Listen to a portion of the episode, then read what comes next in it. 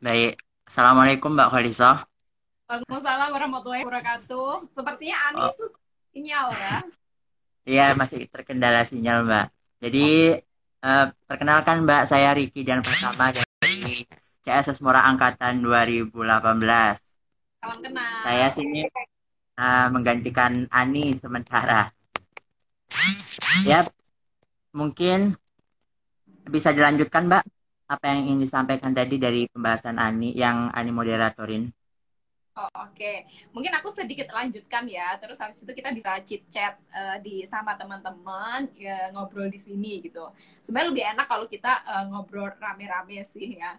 Eh, cuma nggak apa-apa karena ini kan eh, medianya apa yang eh, sudah kita miliki dan inisiatif ini pun juga menurut saya inisiatif yang eh, luar biasa bagi teman-teman yang eh, mau menggelar diskusi sore hari di suasana Ramadan ini.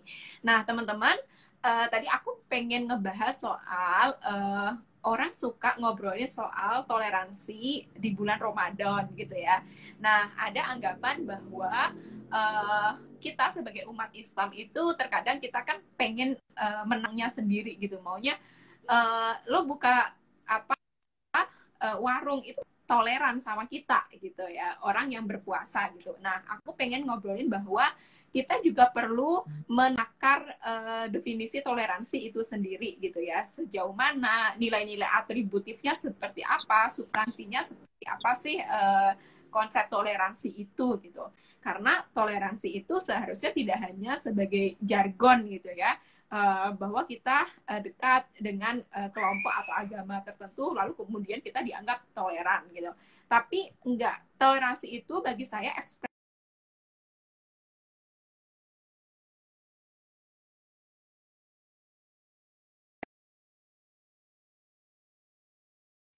tolerance gitu. Jadi toleransi yang sama-sama saling menguntungkan.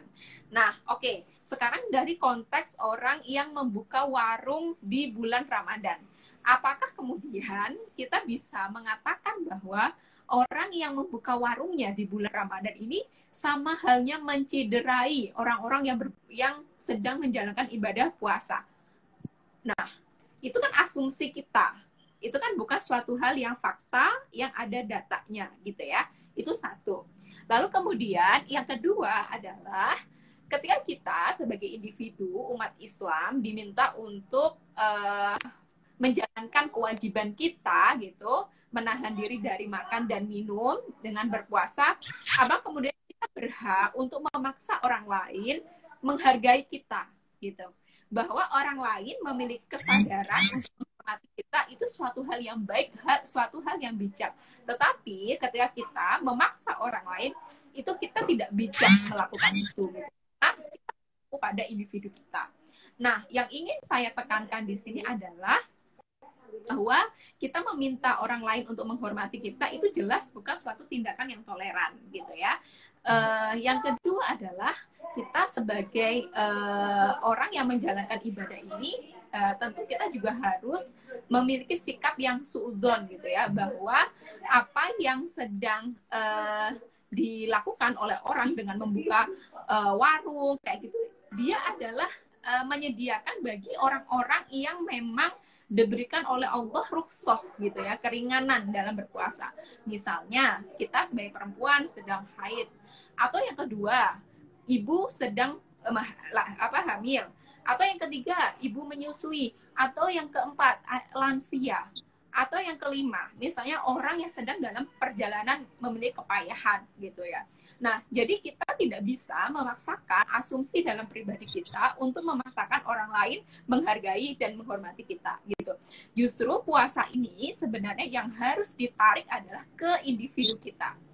Kitalah yang harus menumbuhkan sikap eh, kepedulian gitu ya, kepedulian sosial, kepekaan sosial itu yang harus ditumbuhkan dari individu yang sedang menjalani puasa ini. Mungkin itu eh, sebagai apa obrolan kita pengantar. Barangkali ada yang mau bertanya gitu. Baik, Mbak. Terima kasih, Mbak Siti Kholisoh. Waduh, berbicara tentang toleransi ini sangat menarik ya untuk dibahas. Apalagi kita yang sedang berpuasa di bulan Ramadan ini. Baik teman-teman semua yang telah bergabung, apabila ada yang ingin ditanyakan silahkan ditanya di kolom komentar atau di ada di uh, akun IG kalian masing-masing itu tanda tanya ya di situ. Klik aja di situ boleh. Di kolom komentar pun juga boleh. Silahkan.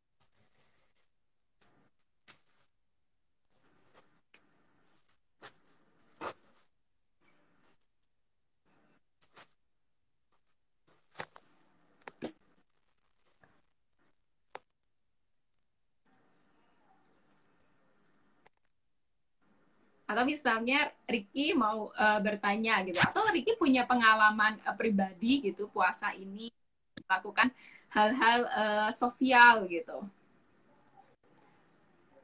Ada mbak. Uh, kalau biasanya tuh ya kami uh, karena ini mungkin lagi di rumah masing-masing gitu ya. Jadi kalau kami biasa CSS Mora itu setiap bulan Ramadan itu pasti akan mengadakan acara-acara seperti bakti sosial seperti uh, santunan anak yatim dan lain-lain. Tapi karena kondisinya seperti ini ya kami menginisiatif buat acara yang seperti ini aja gitu. Ngabuburit, obrolan bersama di sore hari, berbicara tentang hukum-hukum uh, yang ada di bulan Ramadan misalkan dan lain-lain. Gitu Mbak.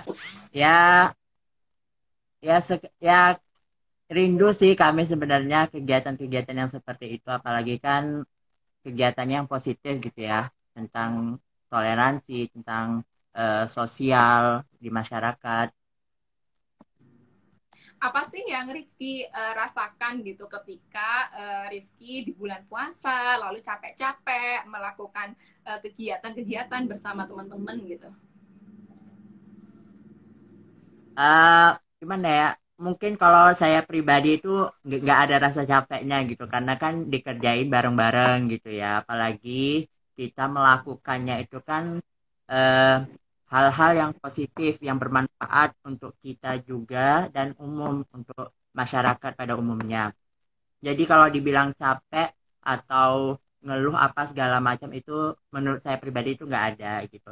Ya happy aja sih mbak jalaninya gitu Oke, okay, happy kan? Ya. Nah, esensi relasi sosial itu sebagai se esensi relasi sosial itu ya ya an gitu ya. Jadi kalau e, di mana pun gitu, bahkan di sebuah masyarakat yang individualistiknya itu e, tinggi gitu ya, e, mereka itu juga e, merindukan e, apa ya e, kepekaan sosial gitu ya, relasi sosial gitu. Nah jadi kalau kita ngobrolin soal uh, kenapa sih orang kemudian di bulan-bulan puasa ini capek-capek bikin kegiatan uh, sosial, bikin kegiatan yang bermanfaat bagi orang lain atau membangun relasi dengan banyak orang gitu. Misalnya rutinitas atau budaya-budaya yang uh, ter, yang sudah banyak berlangsung di Indonesia gitu ya. Misalnya kalau di kampung ada orang yang uh, di musola atau di masjid menjelang puasa atau uh, munggahan gitu ya kalau bahasa orang Jawa gitu ya. ada proses munggahan misalnya di bulan puasa pun orang juga ada ritual misalnya dia mudik uh, dari kota besar gitu ke kampung untuk rame-rame ngumpul bersama keluarga gitu. Nah, esensinya ini kan adalah momentum. Nah, momentum itu uh, mereka cipta ciptakan gitu sehingga itu menjadi budaya yang turun temurun. Nah, esennya apa gitu? Tujuannya apa? Tujuannya adalah kebahagiaan. Nah, begitu juga kita ngomongin soal dimensi sosial. Kalau ujungnya adalah kebahagiaan, maka wajib hubung, hukumnya untuk membangun relasi sosial yang baik gitu. Relasi sosial yang baik itu ya pertama kita sebagai individu bersikap untuk tidak berupaya untuk tidak merugikan orang lain gitu ya berupaya untuk tidak merugikan orang lain apa pun itu gitu. Misalnya uh, dalam konteks ibadah di bulan uh, suci Ramadan gitu ya. Selain kita berlomba-lomba uh, sosial gitu ya dan kita melakukan apa mengekspresikan kepedulian kita ke orang lain dengan membantu, dengan berbagi. Artinya kan kita pengen mentransfer kebahagiaan kita kepada orang lain, kan gitu. Nah, itu yang kemudian kenapa kemudian puasa itu sebaiknya tidak hanya uh, dititik beratkan pada ibadah individu, tetapi ini puasa adalah ibadah sosial. Gitu. Oke, Mbak. Uh, mungkin teman-teman yang telah bergabung atau baru yang atau baru saja yang bergabung, silahkan kalau ada yang ingin ditanyakan tinggal chat di kolom komentar atau tinggal chat uh, atau tinggal tulis saja di ada tanda di Instagram kalian itu yang tanda tanya silahkan di save juga boleh. Silahkan teman-teman yang ingin ditanyakan. Ini dari Ani Eswatun. Maaf Kak Olis dan teman-teman dengan kejadian yang di luar dugaan saya. Oh iya Mbak Ani, nggak apa-apa Mbak Ani.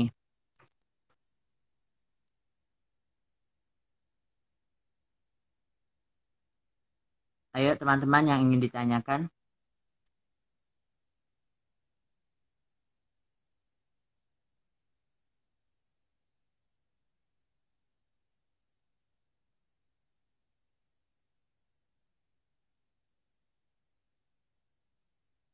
Uh, apa untuk menjalani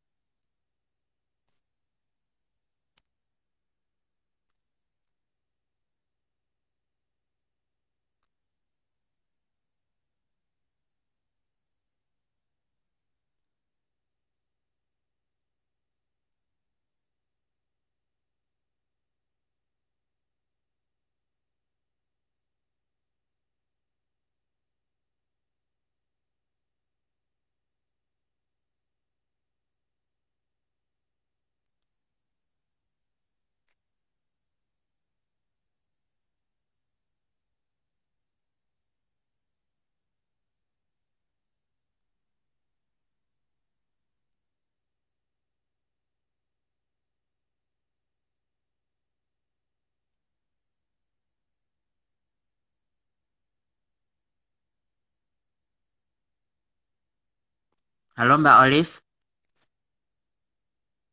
Halo Mbak.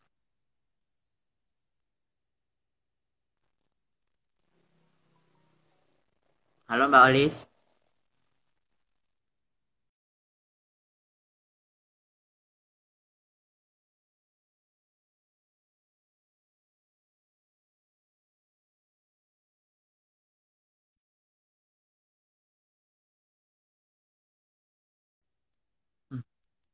Aduh mungkin ini ada sedikit gangguan dari Mbak Olis.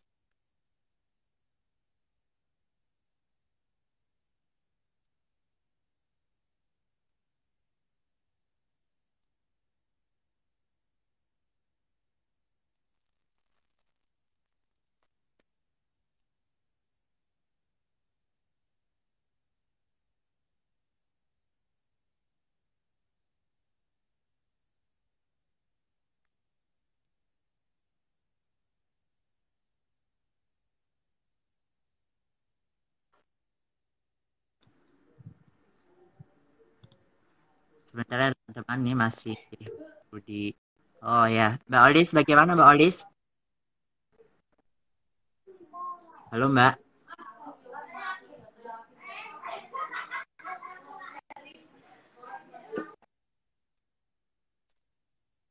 Halo Mbak Olis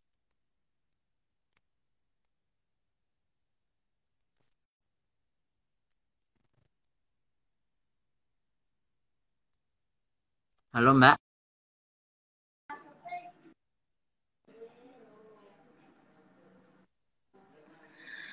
Aduh, sinyalnya. Oke. Okay. Halo Mbak. Halo. Sorry, sorry. Sepertinya kita juga punya hambatan sinyal. Iya. Betul, Mbak. Ya, dilanjut, Mbak. Oke, okay, halo. Teman... Nah, halo semua. Ya bagaimana Mbak? Udah, udah aman? Ya mungkin teman-teman ada yang ingin Apakah sudah lancar? Oke. Sepertinya ada yang bertanya. Ini juga banyak yang baru bergabung nih. Silahkan teman-teman yang baru bergabung atau yang sudah bergabung, okay. Ada yang ingin ditanyakan silahkan cek di kolom komentar.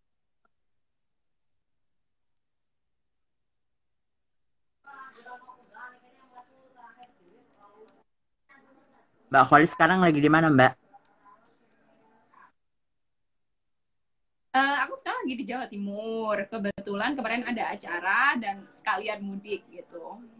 Kalau teman semuanya masih kuliah dari uh, rumah ya? Iya Mbak. Halo. Semoga sih aku nggak ngadet-ngadet.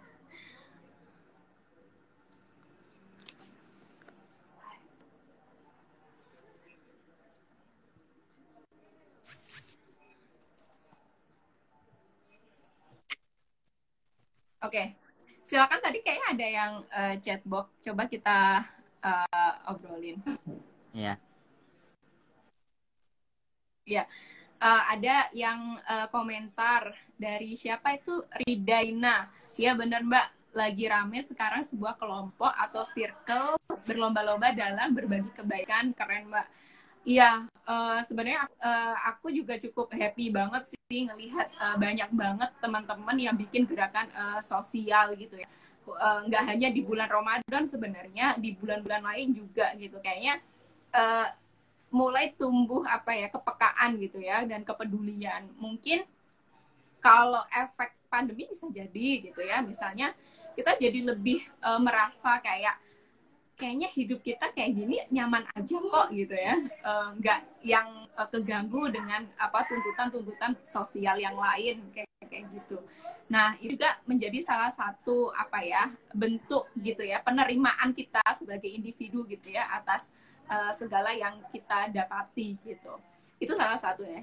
Nah mungkin teman-teman juga pasti CSS uh, Mora Uin Walisongo juga punya banyak ini dong kegiatan-kegiatan uh, sosial yang mungkin terhambat gitu ya di suatu apa di situasi pandemi seperti ini. Lalu kemudian uh, mencoba mencari uh, formula lain gitu ya biar tetap bisa eksis gitu kita tetap bisa aktif beraktivitas uh, meskipun kita juga harus menyesuaikan dengan kebiasaan-kebiasaan baru di situasi pandemi seperti ini. Uh, mungkin Rifki bisa cerita atau teman-teman yang ada di sini gitu. Ya ceritanya sedih aja gitu loh mbak. Nggak nggak nggak bisa lakuin atau berbuat amal sosial yang seperti biasanya.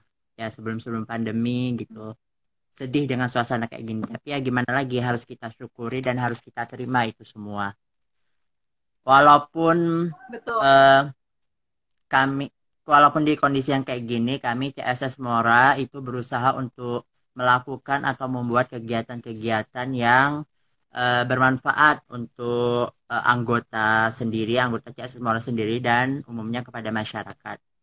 Ya dengan ngadain acara seperti ini atau dengan kegiatan-kegiatan proker-proker dari CS Mora yang lain, gitu, Mbak.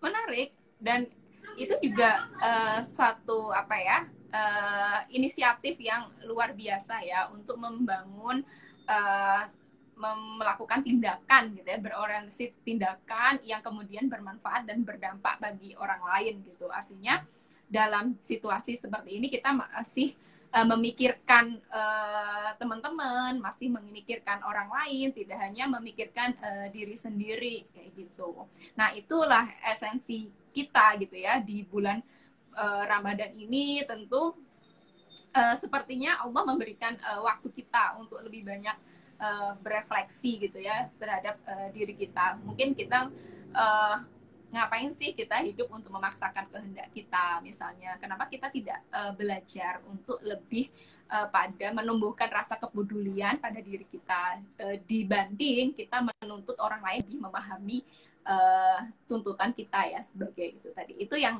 tadi saya contohkan di dalam konteks uh, dimensi sosial uh, puasa itu tadi.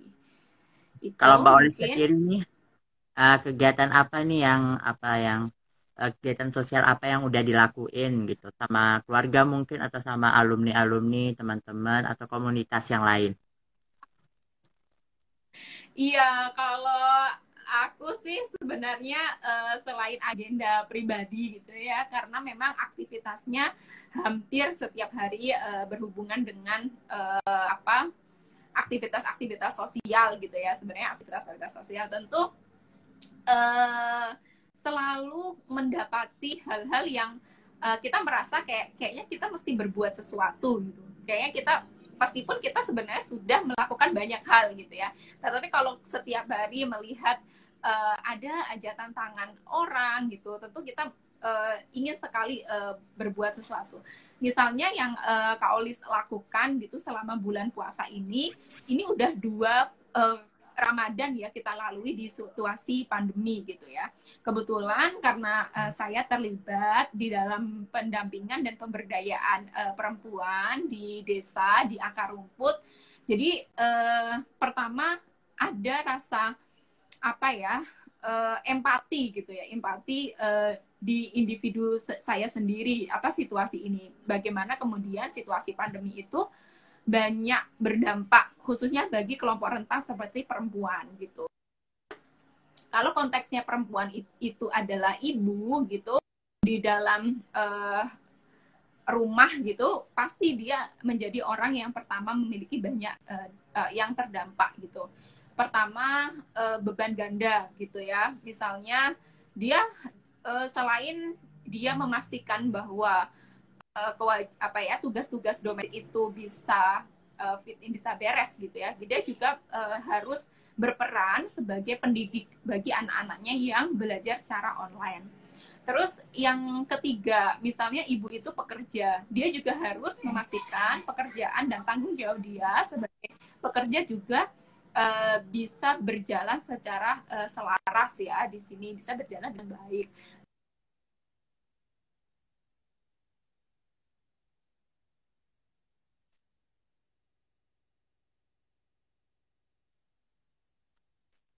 Jadi yang berdampak sekali gitu ya.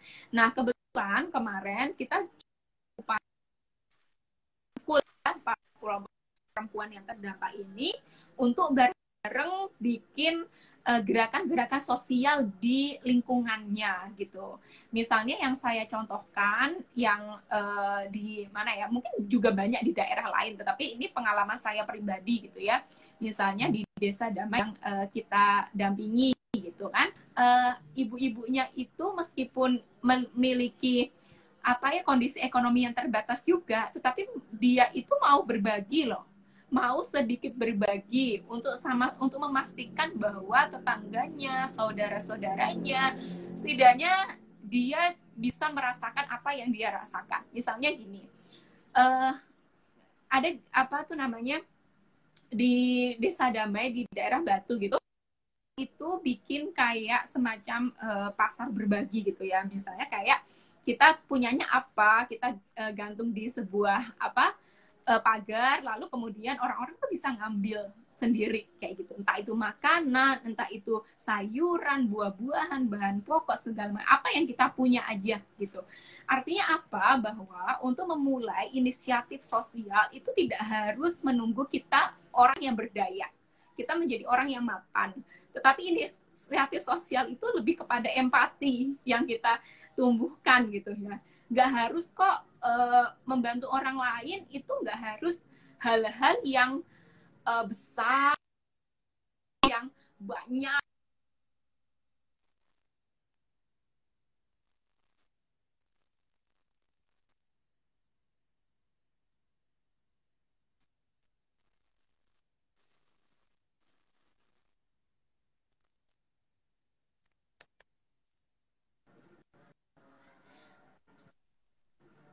atau teman-teman yang lain punya pengalaman yang berbeda, pasti punya pengalaman yang menarik.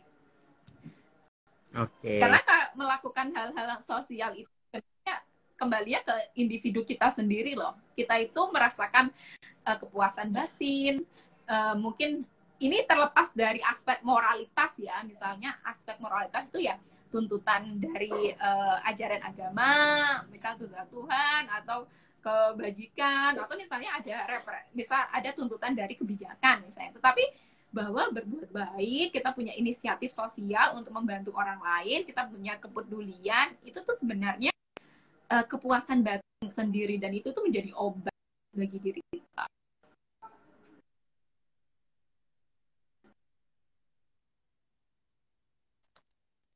Mantap, Mbak. Kalau boleh tahu, Mbak, berapa anaknya, Mbak, sekarang?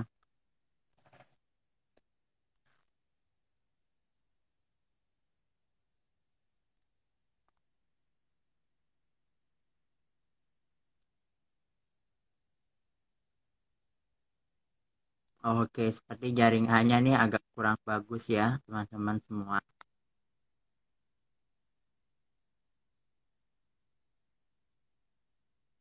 Iya. Ini teman-teman yang baru bergabung mungkin ada yang ingin ditanyakan.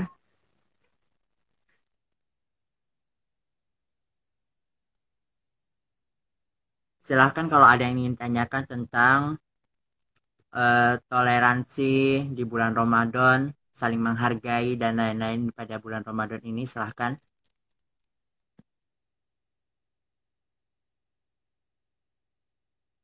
ini sepertinya jaringan Mbak Holis kurang. Halo Mbak. Gimana Mbak? Halo? Oh iya iya iya. Sepertinya jaringan tergendala lagi nih Mbak. Oke. Bagaimana teman-teman? Apakah ada yang ingin ditanyakan lagi?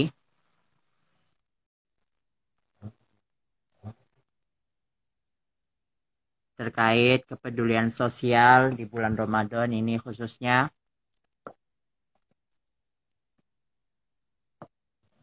Mbak Kholis sana bukanya jam berapa Mbak?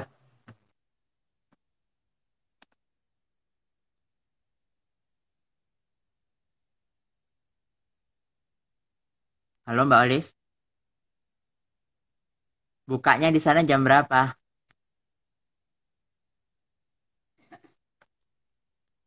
Punten mau tanya di luar tema boleh dari Mbak Shikma.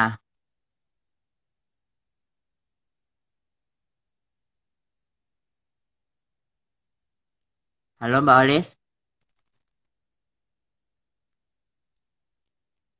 Halo Mbak.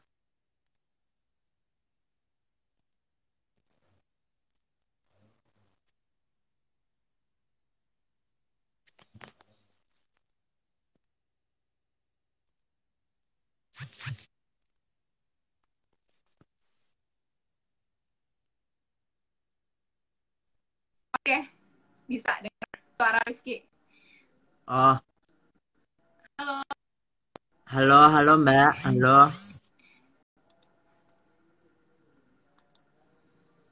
Oke, gimana Mbak? Apakah udah ya, boleh. Boleh. Apakah udah jelas suara saya? Udah dengar. Oh, udah, udah mantap. Ya Mbak Sikma iya, silakan ya, Mbak Sikma. Halo, silakan Sikma.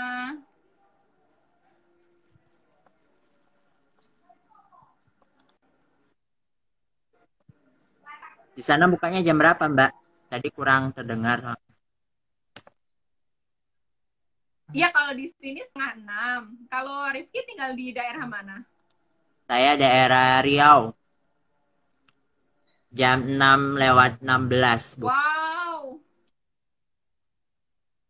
Semangat ya, ternyata masih panjang buka puasanya. Iya, Mbak.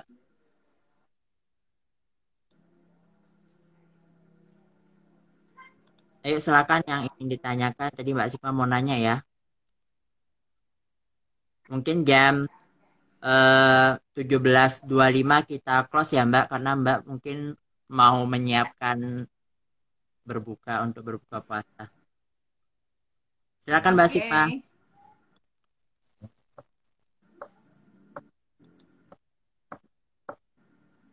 Oke, ini ada dari Mbak Sikma. Mbak Olis, andai boleh kembali di masa lalu, apa yang pengen Mbak lakukan di usia-usia akhir kuliah ini? Waduh, silakan Mbak Olis. Aduh, di akhir kuliah ngapain ya? kalau misal situasinya uh, seperti saat ini, aku nggak akan buang-buang waktu uh, untuk uh, sekedar uh, kampus dan uh, pesantren ya. Tapi aku pengen ngikutin banyak uh, komunitas, uh, gabung menjadi relawan sosial, atau aku uh, ikut berbagai kegiatan fellowship uh, kemahasiswaan dan lain sebagainya. Bagi aku sih uh, sekarang itu situasinya itu orang itu punya kesempatan yang sebanyak-banyaknya dan seluasnya. Nggak ada sekat karena sekarang orang-orang pinter itu pada uh, apa ya pada dermawan untuk membagi ilmunya di platform mana pun gitu. Kalau teman-teman lihat, hampir setiap hari di Wahid Foundation ada diskusi. Atau teman-teman bisa ngikutin berbagai eh, kegiatan-kegiatan komunitas-komunitas sosial. Yang itu semua membuka kesempatan seluas-luasnya tanpa ada syarat khusus ya untuk untuk uh, jadi artinya untuk kita self improvement itu ada banyak jalan, ada banyak ruang yang bisa kita uh, masuki itu.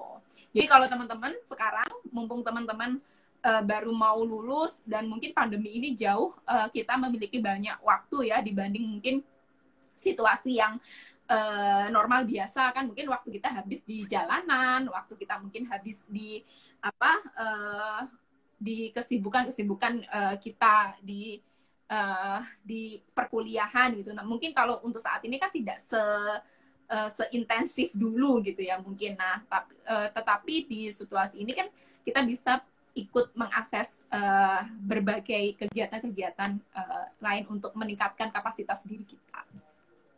Mau kursus bahasa Inggris banyak kok sekarang di YouTube. Mau kursus apa uh, skill apa? Kalau misal teman-teman suka skill menulis, suka banyak kok yang uh, apa pelatihan gratisan yang bisa kasih kesempatan kita untuk belajar.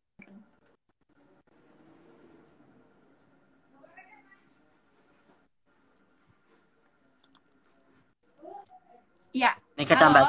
Rifki. Halo. Ini kata Mbak Sikma lagi Mbak, perbanyak medium untuk sinergi gitu nggih Mbak katanya.